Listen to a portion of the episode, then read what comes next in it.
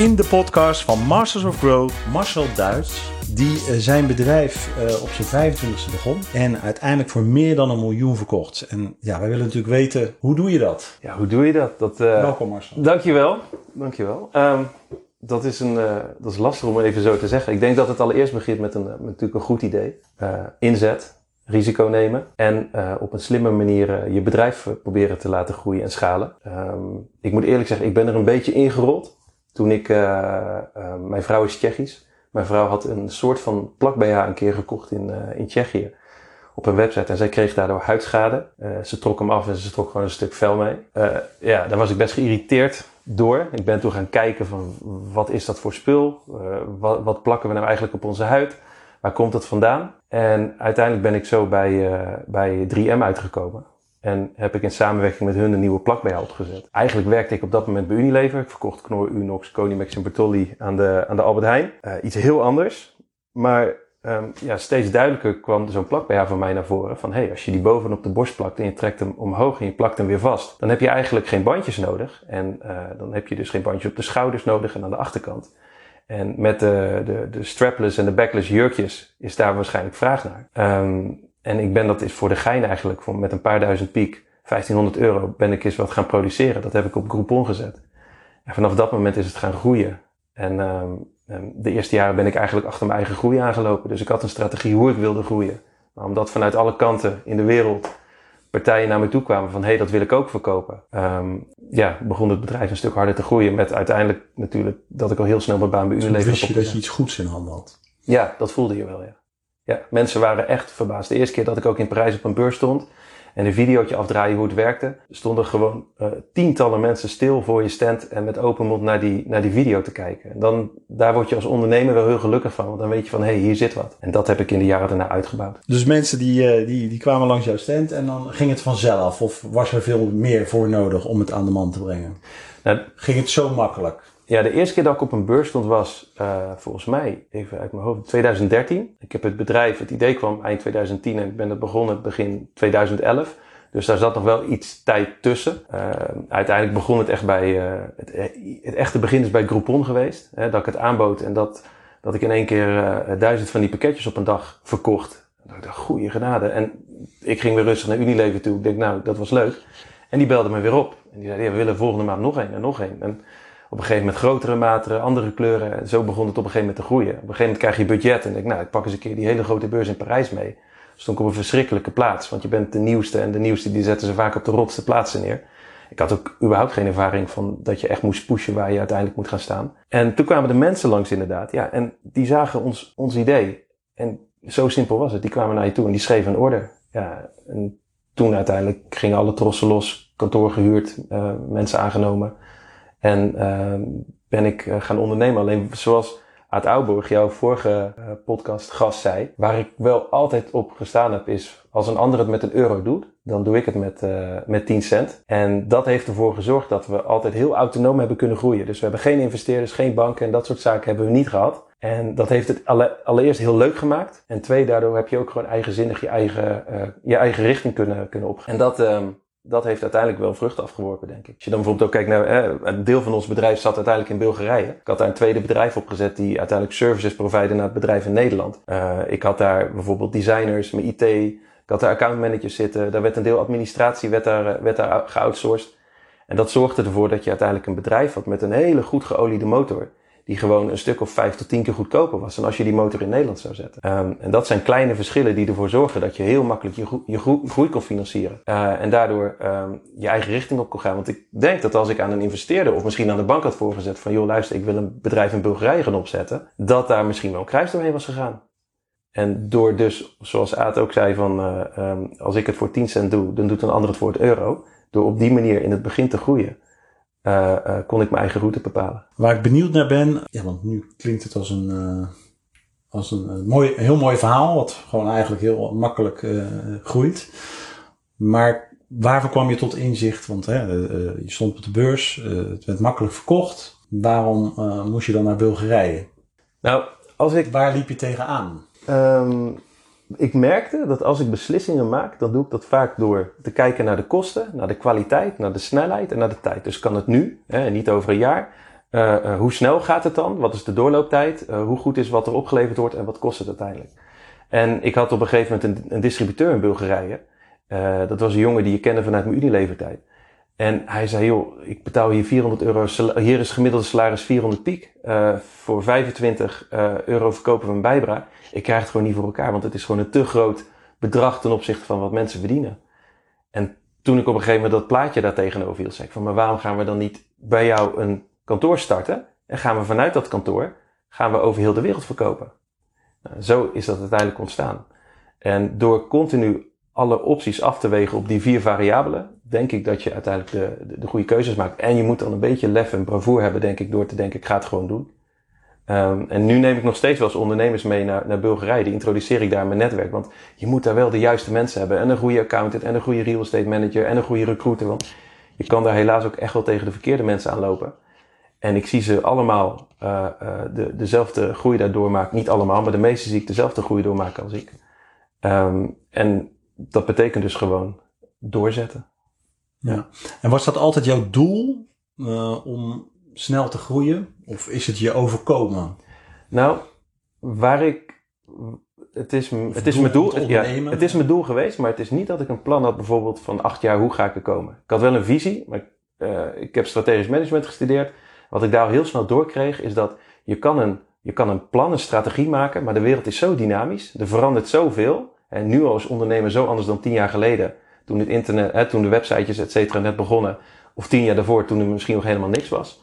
Um, dat, dat, dat je gewoon um, echt dynamisch moet denken. Dus de kansen die op, op, mijn, op mijn pad kwamen, die nam ik. En dan ging ik vanuit daar weer verder kijken van oké, okay, hoe kan ik hier het voordeel uithalen? Het was niet dat ik in 2011 dacht, ik moet op een gegeven moment in, in Bulgarije gaan zitten. Ja. Maar ik had toen al wel mensen in dienst, in, uh, of die hè, freelancers, die huurde ik in. Nu is dat heel normaal, maar toen was ik echt een van de eerste. Ik heb er nog wel eens op de universiteit lezingen over gegeven. Jongens in Pakistan en Bangladesh, die voor mij van allemaal werk deden. Um, waardoor uiteindelijk mijn bedrijf snel kon groeien. Bijvoorbeeld, ik had daar uh, gasten die dan uh, SEO deden, zodat mijn websites hoog kwamen. In elk land, toen was het nog een stuk makkelijker. In elk land stond ik in hun eigen taal op de, het woord plak BH, strapless BH, et cetera, strak bovenaan. Met verschillende websites. Um, maar die jongens die stuurden ook gewoon, um, had ik bijvoorbeeld 10 gasten, die stuurden 100 e-mails per dag eruit naar 1000 inkopers. En die hadden standaard een paar templates. Vraag kwam, altijd kwam de vraag terug van, joh, heb je meer informatie? Dan stuurde zij die meer informatie toe. En als de vraag dan daarna kwam van, joh, wat kost het? Dan werd de mail naar mij toegestuurd. Dus wat ik deed achter mijn kantoor, in mijn kantoortje op mijn kamer, was de hele tijd continu hele warme leads nagaan, die al waren voorbereid. Nou, in mijn eentje had ik nooit dat soort volumes kunnen, kunnen halen. Maar doordat de jongens daar goed zijn, de kwaliteit, hè, de kwaliteit is prima, ze doen het snel, ze doen het nu, um, en uh, de kosten zijn laag, kon ik met een paar honderd piek uh, uh, per week of per maand kon ik enorm veel inkopers bereiken. Ja, en dat was ook jouw doel om, uh, je dacht nou, dit, dit, hier zit tractie in, ik ga dit opschalen. Ja, ja. Komt dat door je studie of gewoon omdat je al heel jong wilde ondernemen? Hè? Want dat... Ik denk dat, want toen ik, toen ik 12 was, ging ik al met een, ben ik al de buren langs gegaan. toen had ik op een gegeven moment 10, 12 buren. Waarbij ik uh, op die leeftijd al kliko schoonmaakte. Was prima. 12 keer 2 gulden 50. En had je, had je behoorlijk wat centjes per maand als jochie van 12. En toen zat het er al in. Weet je, ik ging... Toen kinder... dacht je, dit moet je ja. opschalen. Hoe heb je dat opgeschaald? Of... Nee, dat kon niet. Dat kon niet. Ik heb wel eens gezegd, ik wilde eigenlijk toen zo'n autootje hebben, waarbij ik rond kon rijden en kon spuiten. Maar uh, ja, ik had echt nog geen verstand. Hoe zet je een bedrijfje op? Mijn ouders waren geen ondernemers. Was gewoon, ik heb er wel aan gedacht van, hé, hey, als ik dit nou veel groter maak, dan is het, uh, want groot vond ik leuk. Kinderpostzegels haalde ik 2000 gulden op. Stond ik drie, drie weken lang langs de deuren te gaan. Volledig van de zotte natuurlijk. Maar ik krijg daar energie van. En nu nog steeds. Dus van de sales krijg je gewoon een kick. Ja, sales, groei en eigenlijk ook van de onzekerheid. Dus ik hoef niet een bedrijf te hebben waar je precies weet waar je vol, volgend jaar al staat. Nee. Ja, want je hebt gewerkt bij Unilever, dus je had... Uh, ja, ik was daar management. Huisje, boompje, beestje, goede baan. Ja, pensioen, alles geregeld. Uh, leuke mensen, mooie organisatie, mooie producten. Alleen voor een ras echte ondernemer niet de plek. Want ik zat daar op sales, ik verkocht aan de Albert Heijn, maar eigenlijk zat ik 95% van mijn tijd in een Excel-vel te klooien. Om te kijken dat als ik dat knorgerechtje linksbovenaan zet of in het midden, hoe hoeveel die beter roteert. En dat dan weer voor te stellen aan de inkoper. Of de hele dag data te processen, uh, prijzen te veranderen. Um, dat, dat is gewoon niet ondernemend. Nou, je ging groeien, uh, was vraag naar. Um, maar hoe, ja, hoe ging dat met de financiën? want je had geen vreemd vermogen. Nee, ehm, ik ben het dan ooit met 1500 piek begonnen. En um, ik heb zelf altijd heel erg goed een oog gehad op de liquiditeit. Ik zorgde altijd dat ik, uh, dat ik genoeg had. Maar omdat de, um, kijk, Bijber heeft nu een stuk meer producten. Nu geldt dat niet meer. En de, de, maar de allereerste producten hadden een enorme bruto marge. En um, die werden, uh, daar kon ik gewoon heel veel van uit financieren. En ik ben gewoon zo hard gaan groeien als dat mijn liquiditeit uh, toeliet. En uh, dat zorgde er ook voor dat je niet te hard gaat. Want ik zie, tegenwoordig zie ik vaak bijvoorbeeld start-ups die komen dan bij me en die willen groeien. Of bij, bij andere investeerders. En um, wat ze eigenlijk vragen is een, behoorlijk budget. Hè, voor vaak een idee. Om vervolgens bij wijze van spreken een Ferrari van te kopen. En zonder rijbewijs, hè, zonder ervaring, 300 km per uur te gaan, ja. te gaan rijden. om vervolgens heel veel benzine te verbranden en een jaar later of twee jaar later te denken, zo, gaan we eens even kijken waar we staan. Je hebt heel veel partijen met een burn rate model. Dat zien we allemaal van de Ubers. Dat zien we allemaal van die, van die bedrijven die maar geld blijven ophalen. Die zijn aan de start al bezig met hun tweede seed round bijvoorbeeld. Ik heb zoiets, leer eerst het ondernemen. Maak eerst die kleine stapjes. Zorg dat alle fundamenten goed staan. En ga dan eens kijken hoeveel geld je nodig hebt om uiteindelijk je plan te, te executen. En um, bij mij heeft het altijd prima gewerkt door te kijken naar van, joh, hoeveel geld heb ik uh, te besteden? En hoe hard kan ik daarmee groeien? En ik kon daar prima elk jaar mee, verdubbelen. En dat dwingt vaak ook die jonge ondernemers om te kijken eerst naar je kostenbasis. Ik, soms zie ik een begroting en dan staat er 90.000 euro voor, voor een IT'er of voor een app. Dan zeg ik, maar waar ga je die maken? Ja, die gaan we in Nederland maken. Zeg maar, ik heb gasten in Bulgarije zitten die dat voor tien keer zo weinig doen. Ik zeg, dan als jij met mij samenwerkt, hou jij veel meer aandelen in je zak als je gaat beginnen. En die manier van denken, die had ik er vroeger eigenlijk al inzetten. Sommige mensen noemen het kruiden, kruideniersmentaliteit, maar ik denk dat het vooral efficiëntie is. Dat heeft jou geholpen? Bij mij heeft het zeker geholpen, ja. Ja, want jij helpt nu ondernemers met, uh, je hebt je bedrijf natuurlijk verkocht. Ja. Je ervaringen deel je met, uh, met ja. nieuwe ja. entrepreneurs. Ja, ik probeer start-ups inzichten te geven. Uh, als het interessant is, vind ik het leuk om mee te doen. Idealiter doe ik echt mee. Ik vind namelijk die, dat opstarten van het bedrijf en die eerste stappen vind ik eigenlijk het meest gaaf. Dat vind ik heel leuk. Uh, en ik help dan ondernemers ook om uh, in Bulgarije te landen. Hè, om gewoon ze mijn netwerk te geven, waardoor ze op een veilige manier op kunnen zetten wat ik ook op heb gezet. Nou, je helpt ondernemers hè? en uh, je hebt een succesformule, zag ik op je website staan. Je hebt er natuurlijk al wat over verteld, maar ja, wat, wat zijn die, ja, wat is zo'n succesformule? Ja, ik kijk vaak naar vier variabelen wat het kost, uh, de kwaliteit ergens van, de snelheid um, en hoe lang het duurt. Uh, een voorbeeld daarvan is bijvoorbeeld Bulgarije. De kosten liggen vaak factor 5 tot 10 lager. Kwaliteit is prima als je gewoon goed instrueert. de snelheid van werken is net zo snel als in Nederland hebben mensen daar klaar. En tijd, zeker als je, je eigen bedrijf daar is, dan kan het in principe nu. Um, voor mij was dat de reden bijvoorbeeld om uit te besteden en om niet een IT'er hiervoor 6000 op de payroll te zetten, maar om daar iemand te zoeken die 600 kostte. Um, en om een voorbeeld te geven, daar zat één iemand en die hield voor mij mijn 30 websites bij, waarin ik in heel veel landen in Europa verkocht. Uh, dat soort kleine dingen zorgen ervoor dat je een geoliede machine, die niet al te duur is, binnen je organisatie integreert. Waardoor je uh, sneller kan schalen en succesvoller wordt en dus minder investering nodig hebt. En daar, was jij, daar ben je ook constant mee bezig om ja. te kijken waar ja. kan ik besparen. Ja. Ja, met leveranciers, hè, waar doe je dat? Uh, in een fabriek in Bulgarije voor je papier en je verpakking in Nederland of doe je dat in, in China? Nou, in, in, in, in, in het begin bijvoorbeeld, um, in China was het zo dat het gewoon te lang duurde. Weet je wel, ik had gewoon niet de flexibiliteit die ik nodig had. Dus ik produceerde dat uiteindelijk in Nederland. Nou, op een gegeven moment kon ik dat uitbesteden naar, naar Bulgarije. En nu is het zo dat Bijber grotendeels een verpakking in, uh, in China had. En die vier variabelen, uh, die hebben daar gewoon mee te maken. In hoe je, hoe je beslissingen maakt. Je kan op een gegeven moment uh, bijvoorbeeld Bulgaarse accountmanagers hebben. Maar als jij naar Engeland toe gaat, uh, dan klikt dat gewoon niet op die manier. Dan kan je niet bij Misguided of Pretty Little Thing zitten. Dan werkt het gewoon, een, ik weet niet, hè, dat is puur generaliserend natuurlijk. En het is niet voor elk persoon zo. Maar dan werkt het vaak beter om een Engelsman te sturen. Of een Nederlander. Dan dat je een, uh, een, een iemand in het kantoor in Bulgarije stuurt. En dat heeft dan weer heel erg te maken met, uh, met, met kwaliteit. En zo, ja, zo was ik eigenlijk, had ik die vier, die vier variabelen, die draaide ik overal doorheen. Ben je eigenlijk heel flexibel van, nou oké, okay, in Bulgarije werkt wel de IT, maar ja. accountant... Uh, de account, account management werkt. Die, uh, Ook personeel, hè. ik had op een gegeven moment een, een zweet in dienst.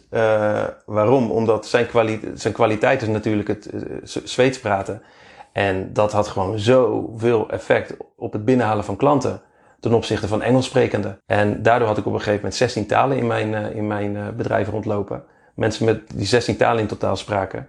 Omdat we daardoor gewoon veel effectiever waren in het uh, closen van deals. En dan wordt kost, uh, kosten worden dan op een gegeven moment minder relevant. Omdat de kwaliteit uiteindelijk ervoor zorgt dat je je, je, je, je deals binnen gaat halen. Mooi. En um, nou, toen uh, dacht je van, ik verkoop het. Ja. Of dacht je dat niet? Er kwam er een koper. Nee, uiteindelijk heb ik het uh, actief te koop gezet via een, uh, een, broker. En um, ik werd op een gegeven moment wakker toen ik een keer, uh, dat was echt heel vreemd, maar ik zat miljoenenjacht te kijken. En toen dacht ik, dat wil ik ook. En ik stond op het punt dat ik echt middelmanagement moest gaan aannemen. En dat kon ik niet meer financieren vanuit de winst van het jaar ervoor. want het bedrijf werd steeds groter en dat, zou, dat, werd, dat gewoon een te groot risico. Dus ik moest naar de bank en ik was er eigenlijk mee bezig om rekening courant te vragen. Toen moest ik op een gegeven moment bijtekenen op mijn huis en dat soort zaken. Nou, prima. Maar op een gegeven moment heb ik dat naast elkaar gelegd. Toen dacht ik van ja, wacht even. Links uh, ga je een paar ton in de min. Rechts ga je uh, heel wat tonnen ga je in de plus. Um, je, je krijgt net een kindje krijg je erbij. Um, waarom, waarom zou je het niet verkopen? En eigenlijk ben ik toen een paar weken later uh, in gesprek gegaan met, met de makelaar. En voordat we wisten, waren er zeven partijen die interesse hadden om, om het bedrijf over te nemen. Van grote jongens in Canada tot uh, een jongen, een investeerder die bij Marks Spencer had gewerkt. Tot een aantal Nederlandse partijen. En toen ging het eigenlijk heel snel. Het was ook echt gewoon wel een gezond bedrijf, dynamisch bedrijf. Er zaten geen lijken in de kast. we hadden goede kwalitatieve producten met goede leveranciers. En ik ben trots om te zien dat het gewoon nog lekker door, doorgroeit. Ja, en hoe ging dat proces? Um, gewoon puur de de stappen die er zitten. Nou, uiteindelijk ga je eerst natuurlijk met je... Want daar help je ook ondernemers mee, hè? Omdat, uh... Ja, maar meer op de softe kant. Dus kijk, uit, uiteindelijk werkt het zo dat je eerst een soort van teaser maakt. Hè? De, die teaser die wordt door je, door je makelaar voorgesteld aan een aantal partijen waarvan ze denken dat die interesse kunnen hebben. Uiteindelijk maak je een informatiememorandum met allemaal informatie. Uh, nadat er een non-disclosure agreement is getekend, wordt dat aangeboden. En dan uiteindelijk kan je door naar, naar een bieding. Als er eenmaal uh, een partij echt geïnteresseerd is, ga je due diligence doen en uiteindelijk uh, volgt de, de, de contractonderhandeling en de koop. Wat ik geleerd heb en waar ik dus ook ondernemers uh, mee help, is vooral de softe kant. Want pas op het moment dat ik richting due diligence ging en dan, dan heb je op een gegeven moment, dan spreek je af dat je niet meer zomaar eruit je, je keutel terug kan trekken te, ten opzichte van een behoorlijke boete. Ja. Realiseerde ik van ja, maar die partijen, wat nou als die mijn hele, uh, hele, hele bedrijf in Bulgarije eruit gooit? Of wat nou als die mijn merk stript en alleen maar verder gaat met mijn verkooplocaties? En, um, um, wat nou als ik nog vijf jaar bij de tent moet blijven? Wil ik dat wel? Zo zijn er heel veel variabelen die ik me van tevoren niet heb afgevraagd, maar die je op dat moment eigenlijk te laat afvraagt. En um, niet specifiek mij maakt, maar in het algemeen is het zo dat een makelaar natuurlijk enkel Kijk naar de dealprijs. Hè? Of er nou een earn-out zit of niet, die rekent gewoon zijn fee af over het totale bedrag. Stel dat er 50% op earn-out zit. Hè? Een bedrag wat je uiteindelijk pas krijgt na het behalen van een aantal milestones.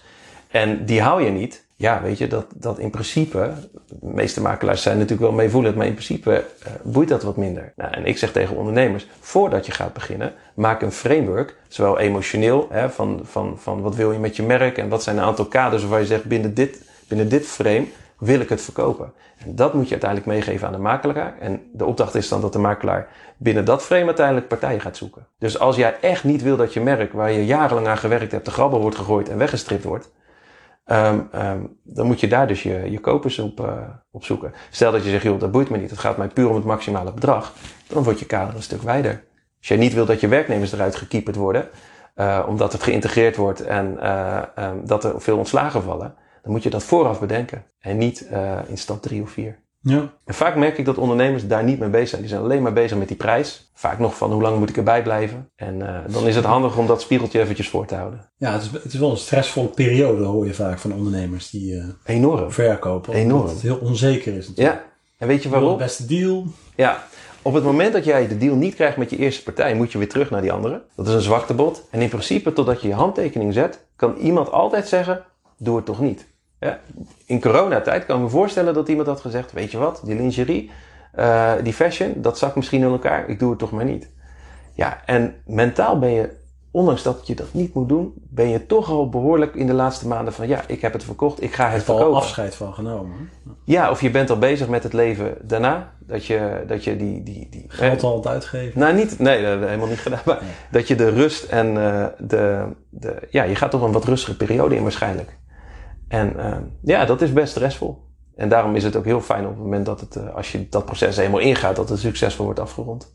Nou ja, wat je zegt, het klinkt natuurlijk ook mooi van nou, je wil niet dat je personeel in uh, Bulgarije ontslagen wordt. Maar ja, dat kunnen natuurlijk ook dealbrekers zijn. Ja. ja. Dus het blijft natuurlijk altijd uh, ja. schipperen. Ja, en je kan het ook niet met iedereen daarover hebben. Je kan niet aan iedereen vertellen, ik ben mijn bedrijf aan het verkopen. Want dat is dus informatie die, die helemaal niet de markt moet. Je kan het niet met je personeel kan je delen bijvoorbeeld. Uiteindelijk wisten ze wel dat ik bezig, ben, bezig was met het zoeken van een grotere partij om de tent verder te trekken. Wat uiteindelijk voor Bijpra natuurlijk helemaal prima is. En als je dat netjes inkleedt ook voor je werknemers. Uiteindelijk is er geen werknemer die er slechter van geworden is.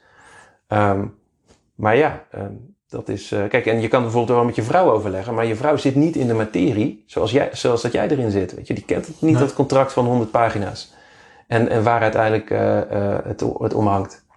En dat is, dat is niet altijd heel makkelijk, nee. Nee, maar ja, dat, dat is dan conclusie wel het ondernemerschap dan ook op dat moment. Ja, ja, ja. ja. en des te leuker is als het lukt natuurlijk. Was je hier blij? had je slapeloze nachten? Van...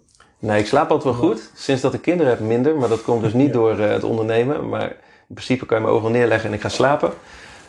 Maar ja, dat heeft de laatste weekjes wel wat spannend. Maar dat is normaal, weet je. Als, uh, als een voetballer naar een voetbalwedstrijd gaat, dan is hij ook zenuwachtig. En uh, op het moment dat je je bedrijf gaat verkopen, komen er ook wel wat, wat krachten bij kijken. Ja.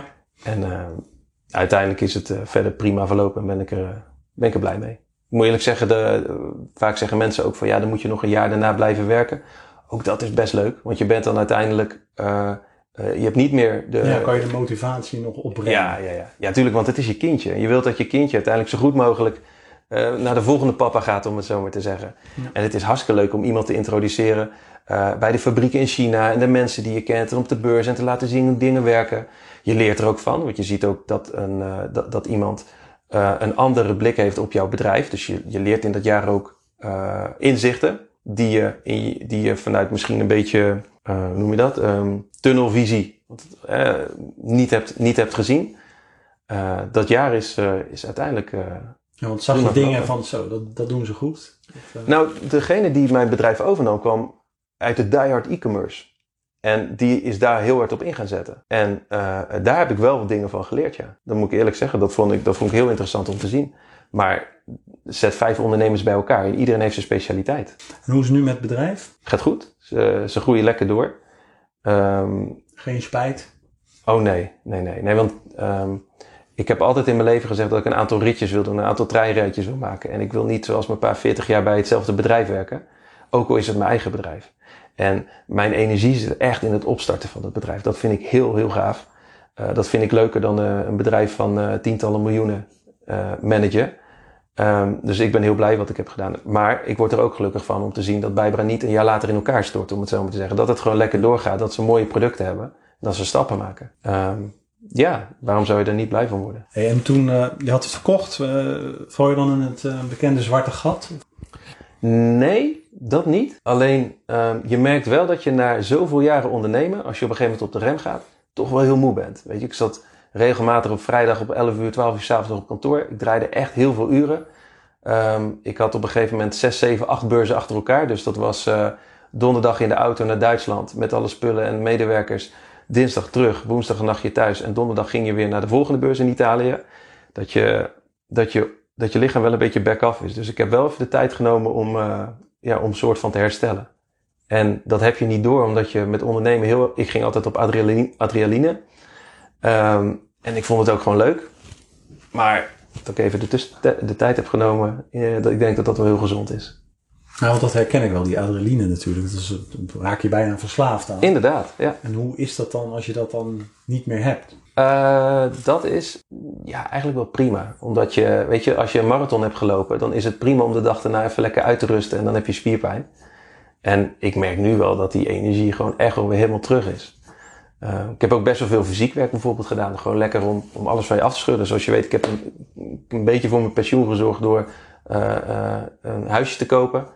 Ja, ik, ik, heb, ik had geen linkerhanden, maar ik had ook niet enorme rechterhanden. Maar als je op een gegeven moment negen keer een deur ergens in moet zetten, dan leer je dat wel. Dat is alleen hartstikke leuk. Negen keer iemand moet betalen dan. Ja, maar het was, ook, het was ook gewoon heel leuk om lekker fysiek werk te doen, even wat anders te doen.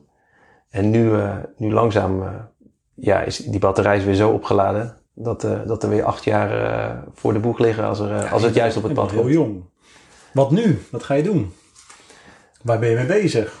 Nou, ik spreek vaak met start-ups. Ik merk, ik merk dat ik het heel leuk zou vinden om met iemand weer een mooi bedrijf op te starten. Zoals je weet heb ik een aantal projectjes gehad. dat draait, dat is leuk, maar dat is niet iets waar ik acht jaar aan wil of tien jaar aan wil aan committeren. Um, en ik wacht eigenlijk op het, op het, op het juiste idee vaak merk ik dat startups al zo verder zijn, dat ze ook vaak al fouten hebben gemaakt waarvan ik dacht van, ja jeetje, was nou eerder naar me toe gekomen. Om een voorbeeld te geven, ik kwam een partij tegen, die had een heel leuk device voor hun, uh, voor, voor, telefoon. Um, en um, uh, dat moest je aan de achterkant erbij doen en dan kon je, dan kon je uh, met braille kon je, mensen die blind waren konden dan veel makkelijker typen. Um, en die hadden uh, prototypes laten maken, die hadden daar een patent op. Maar voordat ze de patent hadden aangevraagd, hadden ze er een stuk of 500 verkocht op de beurs. Ja, als je commercieel je product gaat verkopen voordat je je patent aanvraagt, dan werkt dat niet. Dan kan dat patent zo ongeldig gemaakt worden. Die iemand die op de beurs dat itemje koopt, het kopieert en zegt, joh luister, maar voordat het patent er was, had ik het al in mijn handen. En dat kom ik heel vaak tegen. Ik denk, ach jongens, kom nou wat eerder. Want doordat je zo'n bedrijf acht jaar leidt, krijg je verstand van strategie, van finance. Je hebt je netwerk, je weet precies waar je dingen weg moet zetten. Maar je begrijpt ook trademarks, je begrijpt patenten. Um, je, je, je, snapt wanneer je beslissingen wel of niet moet nemen. En um, ja, daar kan ik eigenlijk die jonge jongens enorm mee helpen. Dus ik wacht eventjes op de, op de trein die komt. Ja, je wacht op het juiste idee. Maar ben je zelf niet uh, ideeën aan het verzinnen of is dat niet jouw kracht? Ja, ik, zoals je weet, ik heb een aantal websites. Ik ben, uh, ben veel dingen ook aan het leren. Ik heb een website over goudmijnen gemaakt die, uh, die prima loopt. Maar dat is niet noemenswaardig. Dus zoals je weet... Niet waar je tien jaar mee eh, inderdaad. of je, je, ja. je ziel en zaligheid in wil stoppen. Ja, en, en ik, trouwens, dat is wel zo. In, uh, tijdens coronatijd en daarvoor wilden we een fietsmerk opzetten. Uh, ik en een partner hadden het bedrijf helemaal opgezet. Uh, dat, was een, een, een dat had een bamboeframe. heel sterk is dat. Neemt CO2 op. Um, werd duurzaam geproduceerd.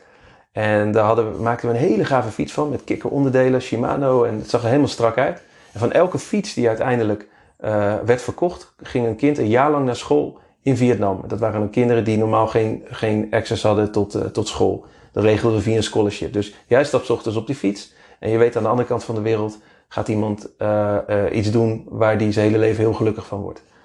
Um, alleen het probleem was dat bamboefabrikanten zijn of heel duur en er zijn er heel weinig, een handjevol in de wereld. En deze partij in Vietnam uh, de eigenaar was, was al behoorlijk oud en die besliste eigenlijk om te zeggen: ja, meer dan 200 fietsen wil ik eigenlijk niet meer gaan maken, want ik wil gaan afbouwen.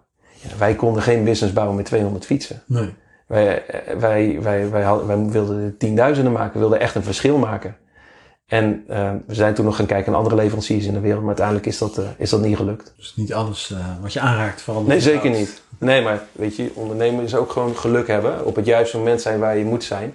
Uh, geen, ik bedoel, er zijn, hoeveel ondernemers zijn er nu die iets prachtigs aan doen waren en uh, plat gaan door corona? Ja, dat zegt niks over de ondernemer. Ja, nee. nee.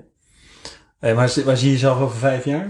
Um, nou, dan hoop ik uh, weer een, een, bedrijf te hebben die weer lekker hard aan het groeien is. In een leuke sector, waar leuke mensen werken, met een dynamisch bedrijf. En ehm, dat is waar ik dan uiteindelijk hoop te staan. Maakt niet uit waar, welk land, maakt niet uit uh, wat het is, als het maar gaaf is. Dat is wel belangrijk. Ik, heb met, ik ben toen toevallig in een best wel leuke, uh, leuke sector gerold. Um, um, en een snelle sector, want fashion loopt nog best wel voorop in veel dingen. Maar ik had ook prima in iets heel saais kunnen rollen. Want het is, het, hè, de, die plak BH dat overkwam me doordat mijn vrouw uiteindelijk uh, ja. huidschade kreeg. Ik ben wel een stuk bewuster nu van oké, okay, als je ergens in gaat stappen, zorg wel dat het leuk is. Want het is wel iets waar je elke dag in je autootje of op je fietsje heen stapt om, uh, om er uh, tien uur mee bezig te zijn. Ja, belangrijk. Ja. ja. Voordat we gaan afsluiten, in het voorgesprek had je nog een leuke anekdote. Die wil ik eigenlijk toch wel even in hebben. Kan je dat nog een keer vertellen? Ik vroeg me op een gegeven moment een keer af van wat, was nou het, wat vond je nou het meest bizarste toen je bij, bij Bijbera werkte? En ik weet dat ik een keer in een voetbalstadion zat. En ik verkocht toen 200.000 pakketjes, waar ongeveer eh, acht borsten mee gelift konden worden. Dat zijn 1,6 miljoen borsten in een jaar. En ik zat dan in dat stadion. En ik zat eens even uit te rekenen hoeveel van die stadions per jaar, vrouwen, jouw plakketje opplakken. En net voordat ze gaan stappen of wat dan ook in een jurk willen stappen, uh, hun borsten liften. En dan heb je het dus over heel veel. Ja. En dat was eigenlijk het eerste moment dat ik dacht: wow, weet je, um, dat is behoorlijk veel volume. En wat, het, wat, het, wat, wat ook heel typisch was, misschien ondernemers denken echt van hoe kan je daar nou nooit zijn? Maar ik besteedde heel veel uit. Hè? Ik keek altijd naar, naar waar ben ik goed in. Nou, dat, dat riedeltje heb ik net opgenomen. En een van de dingen waar ik niet goed in ben, is warehousing. Ik ben ook niet goed in het verzenden van pakketjes. Ik ben ook niet goed in het sourcen van kantoor. Dus ik had mijn hele, hele operatie had ik bij een externe partij neergezet. Aan de andere kant van het land. En die deden alle fulfillment. Dus ik zag eigenlijk alles wat, wat we importeerden, ik zag het nooit. Zij klaarden het in en als zij zeiden dat het goed was, was het prima. Zij verstuurden alles weg. Ik zag nooit mijn voorraad. En toen ik mijn tent ging verkopen, moesten we due diligence gaan doen.